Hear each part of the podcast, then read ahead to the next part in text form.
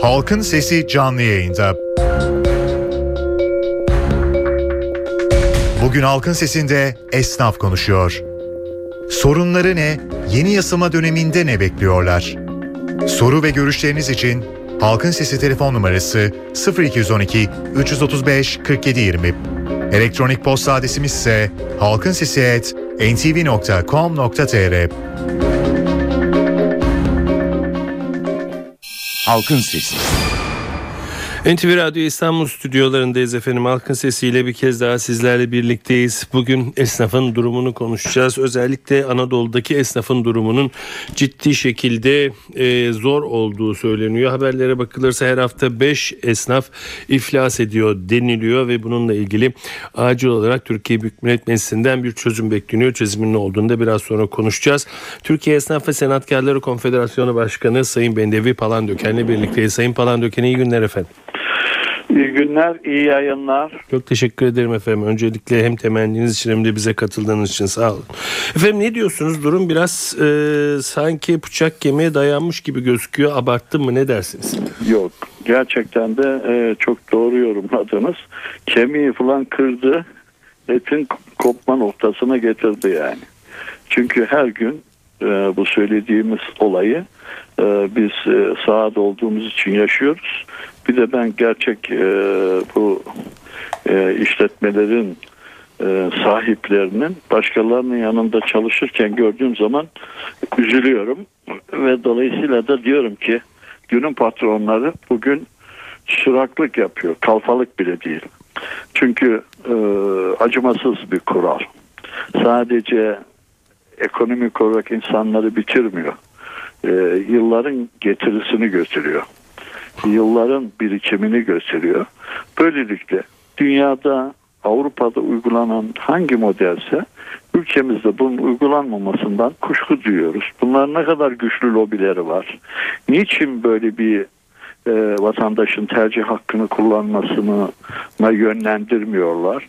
Sadece e, herkes nasihat ediyor. Küçük, güzel, sevimli ama sonuca neticenin nasıl halledileceği noktasında kalıyoruz. Hı hı. Eminim ki bugüne kadar birçok e, Sanayi Ticaret Bakanlarımız, şimdi Gümrük Ticaret Bakanımız e, bu konuya eğildiler. 1996'dan beri e, sadece bu gıda sektörüyle değil, parakende sektörü 250 milyar dolarlık bir hacim. Hı hı. Yani eğer e, global olarak düşünürseniz Türkiye bütçesinin kaçta biri sadece bu sektörde kontrol altında değil. Herkesi rahatsız eden ama dokuyu bozan uzun süreç içerisinde de artık bunlar sız, rekabetsiz bir piyasada hareket etme. Şimdi vatandaşlarımız izlerken, dinlerken bizi hep diyor ki acaba ya bunlarla bizim ne işimiz var kardeşim? Biz daha rahat bir alışveriş yapmak için, daha ucuz bir alışveriş yapmak için belki de tercihimizi kullanacağız. Ama maalesef e, esnaf sanatkar ülkenin dokusu. O vatandaşların bugün belki e, hizmet alırken e, kendilerini tanıyan, kendileriyle merhaba diyen insanlar yok olduktan sonra e, fiyatların tek elden idare edileceği bir sisteme dönüşülecek. İçinde insan olmayacak. Sokaklar tenhalaşacak. Ben size şöyle söyleyeyim. Hı hı. Ee, düşünün bir caddeyi. Hiç dükkan yok. O caddenin ekonomik değeri, o dairelerin fiyatı, e, o caddedeki e, rantın ne şekilde yok olacağını herkes görecek. Bir kere aydınlanacak sokak, hı cadde, e, mahalle. E, dolayısıyla bir kuralın koyulması lazım. Ben beş tane dedim haftada. Beş tane biz günde yaşıyoruz bunu. Çeşitli meslekleri birleştirirseniz. Hmm. Ha şimdi dersek ki efendim böyle değil. Açılıyor da. Evet açılıyor da. Kapatan bir daha gelmiyor ki. Açılanın sayısı daha yüksek. Ama hmm. düşünün benim söylediğim tarihte Türkiye'nin nüfusu 60 milyondu. Şimdi 74 milyon oldu. Yani e, buna göre esnaf sayısının artması lazım. Fidanlar yok ediliyor. Geleceğin Peki, Sayın sanayicisi, tüccarı yok oluyor. Genellikle e, esnafın durumu e, ülke için bir gösterge gibi söylenir. Evet. Bilmem doğru mudur değil midir? Evet, çok. Ama yani ne değişti? E, ekonominin de e, çok da kötü olmadığı, bir takım şeylerin de yolunda olduğu söyleniyor. Peki esnafla halk arasına deyim yerindeyse ne girdi? Vallahi e, vatandaşlar e, artık e, birbirleriyle münasebetleri yerine AVM'lerde e, gezdikleri için e, duygusal bağın koparıldığını hissediyorum. Herkesle birebir konuştuğunuz zaman herkes benim gibi e, problemlerini söyleyebiliyor. Maaşının artmadığını, geçim dertlerinin olduğunu. Ama akşamleyin bir bakıyorsunuz ki geleceğini borçlandırmış vaziyette. Eli kolu dolu geliyor. Çünkü çocuğu istiyor. Yandaki komşunun istiyor. 15 yıl evvel, 20 yıl evvel bunları konuşamazdık bile. Çünkü televizyon yoktu. Görmüyordu kimse neyin olduğunu, neyin, nenin nasıl yaşadığını. Şimdi her gün herkes e, Hakkari ile İstanbul'un arasında hiçbir fark yok. Malatya ile Erzurum'un arasında bir fark yok. Herkes televizyon açtığı zaman e, hayatın ne olduğunu görüyor. Artık eski, yamalı bu dönemler bitti. Dünyanın her yerinde bu böyleydi. Yani düşünün 40 sene evvel Avrupa'da e, bir tür e, e, konutlarda farklı yaşam şekilleri vardı. Bugün öyle değil artık. Veya diyelim ki Sovyet Rusya'da da bu böyleydi. Moller bugün yeni bir şey değil. Onların e, camlandırılmış, yenilenmiş hali. Orada da aynı şekilde akşamleyin 5'te 6'da işten çıkan hır abi girerdi oraya. Ondan sonra herkes orada ne varsa kapışır dönerdi. Şimdi kredi kartıyla geleceğiniz borçlanmış. Ev almışsınız borç, araba almışsınız borç. Yani bir 10 yılınız, 15 yılınız, 20 yılınız artık taksit miktarınız neyse geleceğe yönelik borçlanmışsın. Belki günü kurtarıyoruz hepimiz. Ücretler artmıyor. Ee, eskiden işte elinize 3-5 kuruş geçtiği zaman bir döviz büfesine koşup alırdınız. Neyse bugün ekmek parası çıktı yarın 5, 5 kuruş bir kuruş arttı diyordunuz. Bir moral oluyordu. Şimdi ülkedeki gelir dağılımında gerçekten e, söylenilen rakamlara yaklaştı. Belki de gelir düzeyi iyi olanları iki katladı. Ama düşünün bir aynı şekilde e, ücreti artmadan e, işsizlikten bunalmış insanlar asgari ücrete razı olan insan iş bulamıyor. Şimdi siz bunu e, nasıl e, bu insanlara ne söyleyeceksiniz yani benim durumum iyi de seninki kötü mü diyeceksiniz ama birebir konuştuğumuz zaman e, gerçekten insanlar e, çok da mutlu değil çarşıda pazarda görüyoruz eğer böyle olsa hiç 12 ay ucuzluk olur mu? Camlarda, vitrinlerde ne yazıyor? İşte yüzde elli, yüzde yetmiş, e, son yüzde yüz indirim diyor, iş değişikliği diyor veya tahliye diyor, işte e, veya işte dükkanı kapatıyor, bir başkası geliyor orayı açıyor. Yani bir sistemsizlik var. Bizim söylemimizdeki en e, e, dikkat edilecek nokta biraz evvel de siz aynı şeyi e, söylediniz. Esnaf ülkenin barometresi. Hı hı. Eğer bu yok olursa bil ki yukarıda büyüklerin olmadığını. Küçüğünü düşün diye Avrupalı bile yasa koymuş.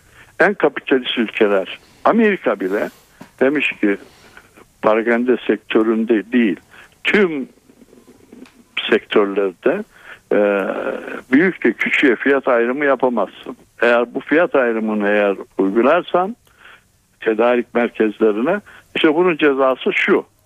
E bizde maalesef böyle değil. Şimdi kaç alınıp kaça satıldığını kontrol eden yok. Bir ürünün üzerine etiket koymuş. Ondan da sayılı ürünümüz diyor. Gidiyorsunuz yazar kasada başka bir fiyat. E, rafta başka bir fiyat. Ama vatandaş bunu alıp inceliyor mu? Vatandaş bu fişi alıp ya ben kaç tane ne aldım diyebiliyor mu? Yok. E diyor nasıl olsa kredi kartını verdikçe herhalde doğrudur. Koskocaman mağaza burası diyor. Ama öyle değil ya. Esnaf bu ülkenin dokusu. Zedelenmemesi lazım. Bir kuralın olması lazım. Dünya ile eğer norm birliği, standart birliği yapacaksak Avrupa'da ne varsa ülkemizde de olsun diyoruz. Ve sadece bunlarla da sınırlamıyoruz. Esnafta da bu yenileşmeyi, esnafta da bu, bu uygulamanın meslek odalarına yetki verilmesi. Yani aynı binanın altında üç tane kuaför olmaz. İki Evet. tane aynı yan yana bakkal dükkanı açılmaz. Bir dikkat edin. Çevrenizde kasap kaldı mı? Yok. Hı hı. Manav kaldı mı? Yok. Fotoğrafçı kaldı mı? Yok. E ne, ne yapacak bu insanlar? Her birinin 6-7 nüfusu var. Nasıl geçinecekler? Bizim söylediğimiz rakamlar ortalamaları yani. Evet. Bir iş yerinin kapanması en az bir çırak 3 kişiye ailesiyle birlikte diyelim. Yani katkı koyuyor. E, iş yerinin sahibi işsizliğe, istihdama katkı sağlıyor. O da çok önemli yani. Gidip artık sağda solda iş aramıyor. Dükkanın diyor babamın dükkanına giderim diyor. Beş, bir saat ben dururum, bir saat kardeşim durur, üç saat işte ben okula giderim gelirim. Ara işsizliği önlüyor.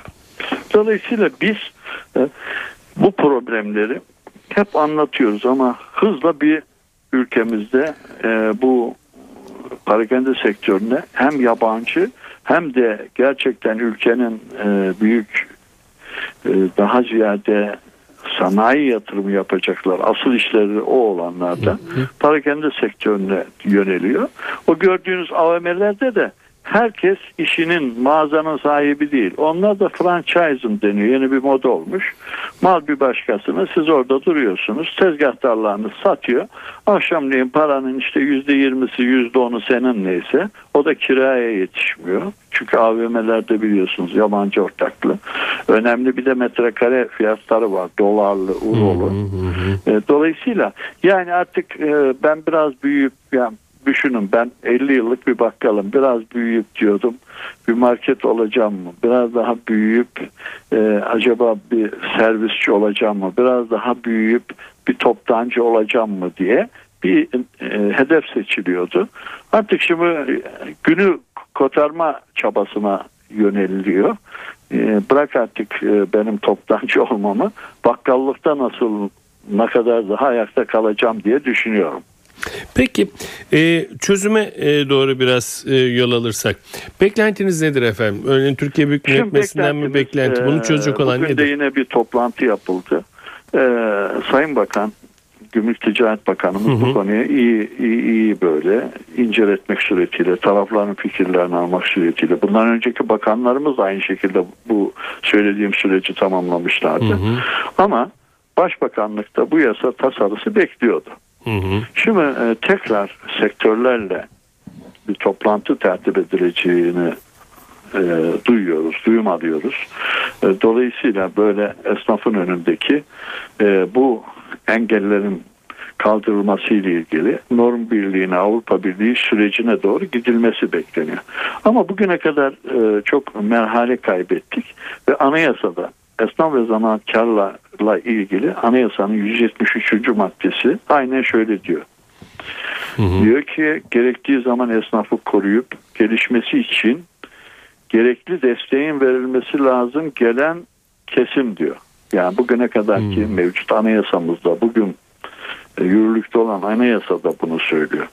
Maalesef ve bu bizde uygulanmıyor. Şimdi biz yeni yeni e, modeller e, üretiyoruz. Örneğin işte e, bu hafta buradan da herkesin ahilik kültür haftasını kutluyorum. Ahiler biliyorsunuz 13. yüzyıldan günümüze gelmişler. Ben de tabii ahilerin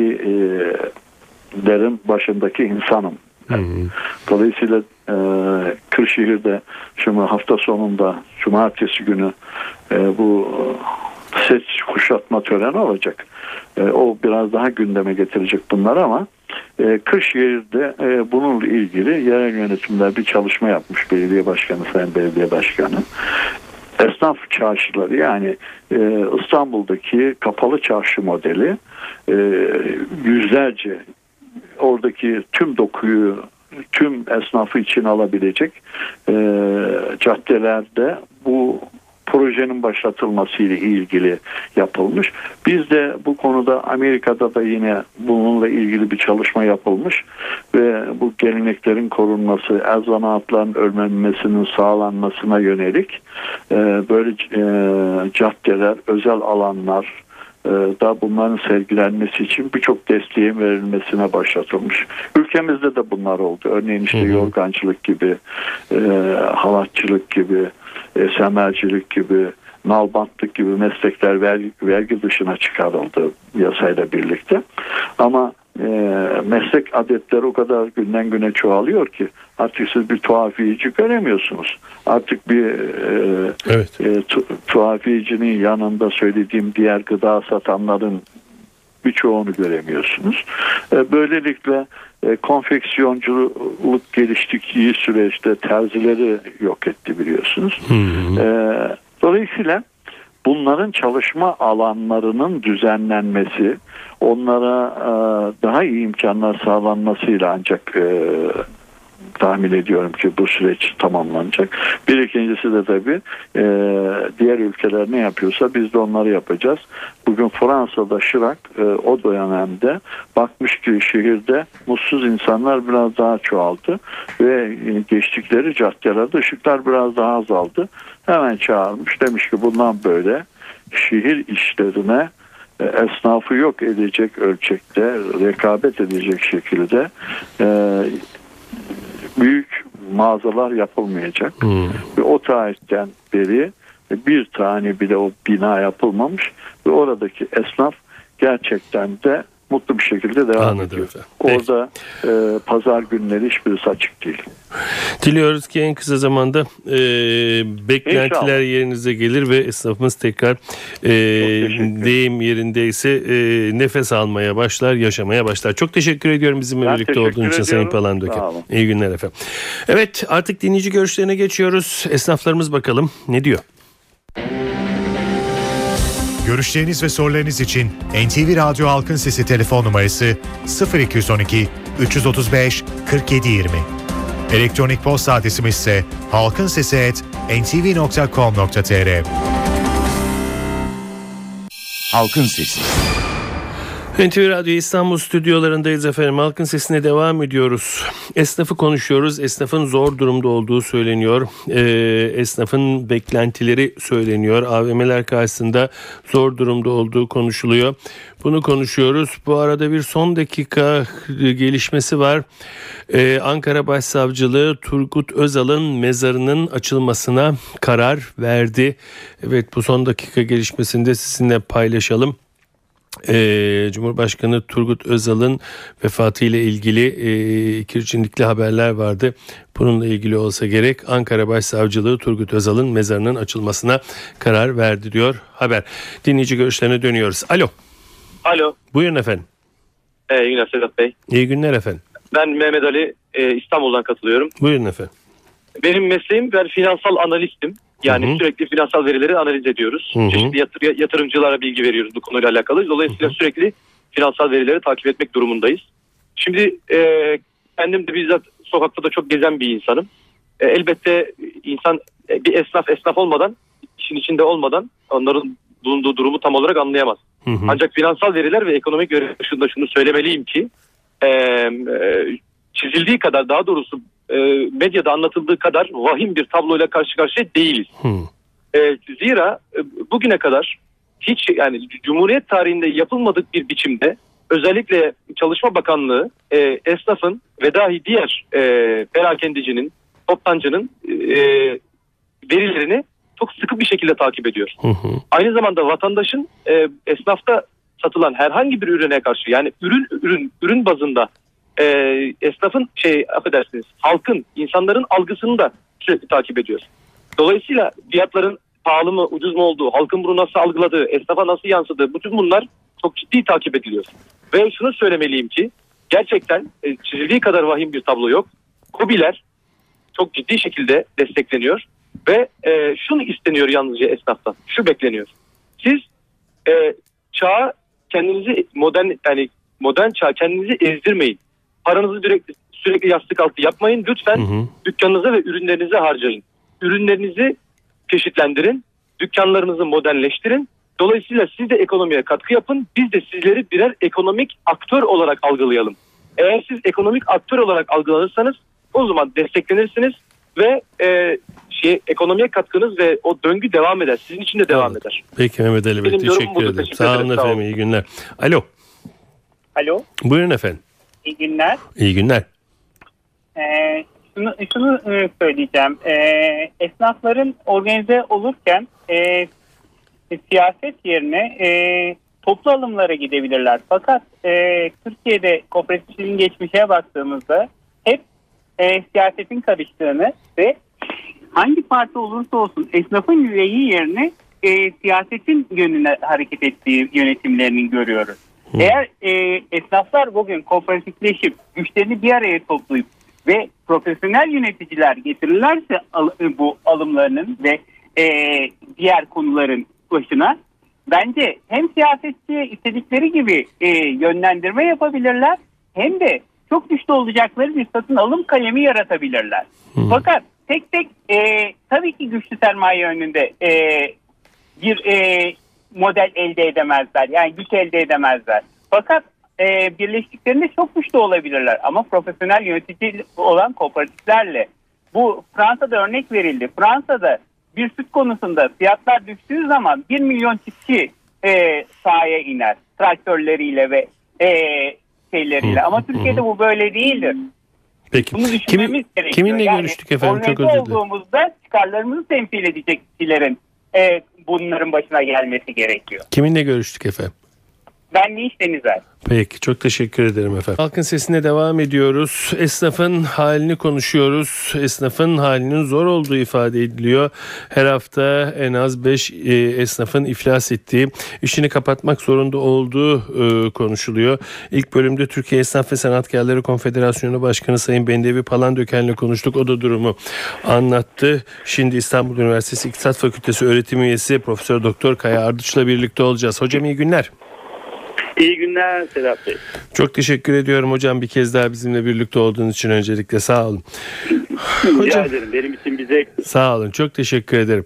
Hocam hangi takımı tutuyorsunuz bilmiyorum ama e, Fenerbahçelileri isterseniz bir son dakika haberini de sizle paylaşarak verelim. Mersin İdman Yurdu maçında sakatlanan Kayt e, Marsilya maçında forma giyemeyecekmiş. Yazık, e, yazık. Evet hem Fenerbahçeliler için hem Türk Sporu için gerçekten üzücü bir haber. Oradan dönelim tekrar esnafın haline. E, buyurun efendim sözü size bırakayım ne dersiniz? Şimdi e, Sedat Bey, e, az önce Sayın Palandöken'i dinledik. Arkasından da bir teknik analist olduğunu söyleyen Mehmet Ali Bey'i dinledik. Hı hı. Bakın Sayın Palandöken tabii bu esnafların başındaki bu işin e, bilen sahadaki insan. O e, ilginç şeyler söyledi. Hı hı. E, Sayın analist, finansal analist olduğunu söyleyen Mehmet Ali Bey ise durumun aslında biraz abartıldığını, söylendiği kadar e, aklandığı, vahlandığı kadar vahim olmadığını söyledi. Tabii yani şimdi hani davulun sesi uzaktan hoş gelir misali. E, esnaf değil Sayın Mehmet Ali Bey. Ben de e, çevremden e, gözlemlerimle ve basından medyadan gördüğüm kadarıyla biliyorum ki esnafın durumu pek parlak değil. Şimdi ben tabii bir iktisatçı olarak, akademik iktisatçı olarak, akademisyen olarak şunu biliyorum. Kapitalist gelişme yasası diye bir şey var. Hı hı. Türkiye ekonomisi, piyasa ekonomisi dediğimiz iktisadi sistem bazında konuşursak kapitalist ekonomi sistemiyle çalışan, yönetilen, e, devinen bir ekonomi. Şimdi bir defa kapitalizmin geliştiği her dünyanın her yerinde bütün tarihsel süreç içinde ve hala da günümüzde kapitalizm geliştikçe küçük ölçekli esnaf, küçük orta işletmeler bundan her zaman olumsuz etkilenir ve hatta yok olur. Yani mahallelerdeki bizim çocukluğumuzda siz de bilirsiniz şimdi gençler pek bilmez ama çok daha fazla sayıda kasap, manav, terzi vardı. Sünnetçi dükkanı vardı örneğin o sünnetçi dükkanların da böyle te, e, şeyleri vardı vitrinleri. Nedense orada bir saat dururdu böyle kocaman bir çalar saat dururdu. Onu da hiçbir zaman çözememişimdir niye saat. Ondan sonra şimdi kapitalizm Türkiye'de de gelişiyor. Türkiye bugün dünyanın 17. büyük ülkesi ekonomisi ve e, süratle son 10 yılda da oldukça ekonomik performansla işte pek çok ülke tarafından örnek gösteriliyor vesaire. Ama bu gelişme yasası içinde esnafın sıkıntıya düşmesi kadar tırnak içinde doğal bir şey olamaz. Yani doğal bir şey derken bunu tasvip ettiğim anlamında söylemiyorum ama tasvip etseniz de etmeseniz de ismi kapitalist dediğimiz bu ekonomik sistemi sizi bu şekilde ezer. Yani küçük ölçek büyük ölçeğe dönüşür. Çünkü mikro iktisat yasası olarak büyük ölçekte verimlilik daha fazladır, getiri daha fazladır. Dolayısıyla ölçek ekonomileri dediğimiz işte bir takım şeylerden daha düşük maliyet, daha yüksek kar oranı gibi yararlanır. Uzmanlaşma iş bölümü daha kolay olur büyük ölçekli firmalarda vesaire. İşte örnek bakın bakkallar yok oluyor ya da çok azalıyor ama buna karşılık AVM'ler büyüyor. Fakat orada da bir sağlıklı büyüme yok yani AVM'lerin büyümesi de hormonlu bir büyüme. Ben inanıyorum ki bugün bu yani ifratla tefriz arasında geliyor. Bu AVM'ler bir kapanacak diyor. Sayın ne kim diyor bunu? Mavici'nin CEO'su diyor. Yani hmm. CEO'su diyor. Dolayısıyla e, orada da bir ölçüsüz gelişme var. Çünkü yani bu ben bakıyorum AVM'lere siz de gözlemişsinizdir. Herkes bilir, değerli dinleyicilerimiz de biliyor. E, orada çoğu yani o yazın işte klimatik e, güzelliklerin havasından yararlanmak için işte markiyatı hizmetlerinden fast food restoranlarından yararlanmak için dolaşıp duruyor dolu AVM'lerin içi. Ama mağazalara bakın alışveriş yapan tek yok. Hmm. Dolayısıyla orada da bir dengesizlik söz konusu. Dolayısıyla ben esnafın insani boyutuyla sızlanmasını, üzülmesini çok anlıyorum. Ama hani çözüm derseniz, derin sordunuz, çözüm yönüne baktığımızda hmm. çok fazla bir çözüm yok. Şu olabilir, kooperatifleşme, efendim işte iktisat teorisinde bu kümelenmeler dediğimiz bir kümelenme teorisi var. Hı hı. Yani küçük esnaf bir araya gelip böyle bir küme oluşturuyor. İşte tekstilcisi, işte bilmem tamircisi vesaire. Bakkallar e, biraz e, kooperatifleşme yoluyla daha büyük süpermarket değil ama mini markete dönüşüyor filan. Yani hmm. çözüm olarak işte ancak bunlar var ama devletin burada düzenleyici, regülasyon denilen düzenleyici rolü var. Yani devlet bir ölçüde işte kredilerle, kredi sistemiyle, mikro kredi diye bir şey var. E, bankalar e, kredi vererek e, küçük esnafın daha rasyonel, daha verimli e, bir şekilde e, hani yok olup gitmesini önleyecek şekilde e, katkıda bulunabilirler. Ama dediğim gibi nihai çözüm yok. Yani böyle radikal bir çözümü yok bu işin. Anladım. Maalesef işin doğası gereği kapitalist ekonomi sistemi geliştikçe Türkiye daha da büyüyüp güçlendikçe bu küçük sermayeler ve küçük esnaf, küçük işletmeler epey zorlanacak. Peki. Hocam çok teşekkür ediyorum bizimle birlikte olduğunuz için. Sağ olun. Rica ederim. Zevk duydum. İyi günler. İyi günler hocam. Çok teşekkürler. Evet dinleyici görüşlerine dönüyoruz efendim. Görüşleriniz ve sorularınız için NTV Radyo Halkın Sesi telefon numarası 0212 335 4720. Elektronik posta adresimiz ise halkinsesi@ntv.com.tr. Halkın Sesi. NTV Radyo İstanbul stüdyolarındayız efendim. Halkın sesine devam ediyoruz. Dinleyici görüşlerine döneceğiz. Esnafın durumunu konuşuyoruz. İlk dinleyicimiz hatta bizi bekliyor. Alo. İyi efendim. İyi günler efendim. Buyurun. Ee, ben Ankara'dan Mustafa Tufan Yavaş. Buyurun ee, efendim. 50 yıllık bir terziyim efendim ben. Kızılay'da çalışıyorum. Hı hı. İşlerim Kızılay'da merkezde. Ee, Sayın Konfederasyon Başkanı ve uzmanları izledim. Fakat e, bizim yaşadığımız şartlarla onların anlattıkları çok çok farklı. Biraz evvelki hocamızın tarifiyle küresel, küreselleşen dünyada küçük esnaf ve sanatkarın ne kadar küçüleceğini, ezileceğini çok açıkça ifade etti. O gerçekçi buldum onun konuşmalarını. Burada esnafın sıkıntılarını dile getiren e, konfederasyon başkanımızın şunları ne fayda var zannediyorum. Esnaf sanatkarlar deyince bir kül olarak tek bir cümle değiller. Bunlar sektörler bazında ele alınıp hizmet sektörü, imalat sektörü ve ticaret sektörü olarak ayrı ayrı dertleri, sıkıntıları farklı farklıdır. Hı. Dolayısıyla bunları bir tek bir şey isim altında değil de sektörler bazında ele alınırsa sıkıntılar birbirinden çok çok farklı çünkü. Hizmet sektörünün evet. daha az sıkıntıda olduğu bir gerçek ama imalat ve ticaret sektöründe gerek AVM'lerin gerek diğer büyük e, sanat e, şeylerin e, tüccar falan küçük esnaf eziliyor ve yük oluyor. Maalesef biz de o e, imalat sektörü bazında çalışan bir tez olarak e, maalesef şu anda mesleğimizi yapamaz haldeyiz. Talep düşmüştür. Dolayısıyla e, belli bir yaşın üzerinde çaresiz ve sıkıntı içerisinde yaşamaya çalışıyoruz. Peki efendim çok teşekkür ederim Mustafa Bey. Hayırlı işler diliyorum. Alo. Alo, Buyurun. yayında mıyım? Yayındayız Ee, efendim. Kiminle Sedat Bey? Ömer, Ömer Yüksel Bursam. Buyurun Ömer Bey. Şimdi ben Türkiye Cumhuriyeti vatandaşıyım. Lise mezunuyum. Dolayısıyla devlet bana iş vermesi lazım gelirken ben devletten iş istemiyorum. Kendi imkanlarımla küçük bir dükkan tuttum. Ee, küçük esnafım. Ee, basit usulle 3-5 yıl çalıştım basit olarak. Ondan sonra devletin 30 kilometre sınırına takıldık ne yazık ki. Gemlik Bursa'ya 30 kilometre 30 kilometre yakın diye bizi büyük vergiye soktular. Yani deftere tabi yaptılar. Yani gelir vergisine soktular. E, Dolayısıyla işler zaten yok. E, Devlet iş veremiyorken ben iş yapmaya çalıştığım zaman büyük vergiye girmiş oluyorum. 5-6 yıl önce deftere tabi ettiler. E, bir, bugün bir muhasebe ücreti 100 TL'den başlıyor. Yukarı doğru gidiyor. Doğrudur. İşim yok. Ağır vergiler var.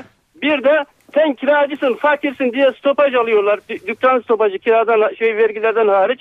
E, dükkan mülkiyeti seninse eğer e, stopaj vermiyorsun. Yok kiracıysan devlet diyor fakirsen stopaj da vereceksin. E, bu şekilde vergi, KDV, muhasebe ücreti, stopaj vergisi, geçici vergi, peşin vergi, tabela vergisi, defter tasdik, esnaf odası yıllık üyelik aidatı, efendim damga vergisi, elektrik, su, dükkan kirası, KDV, bağkur hiçbir şey primi, ev geçimi. Efendim biz bunları kaldıramıyoruz. Anladım. Teşekkür ederim. Ben teşekkür ederim efendim. Sağ olun. Alo. Efendim iyi günler iyi yayınlar. İyi günler efendim. Buyurun. Bu ara yeni yayın dönemimizde de hayırlı ve iyi şeylere vesile olmasını Çok temenni teşekkür ediyorum. ederim. Kiminle görüşüyoruz efendim? Ayhan Tuğcu Adana'dan arıyorum efendim. Buyurun Ayhan Bey. Efendim geçmiş dönemlerde de size bu konularda sık sık bağlanıyorduk. Ve Evet. dinliyoruz yani bu işin uzmanları, stratejistleri.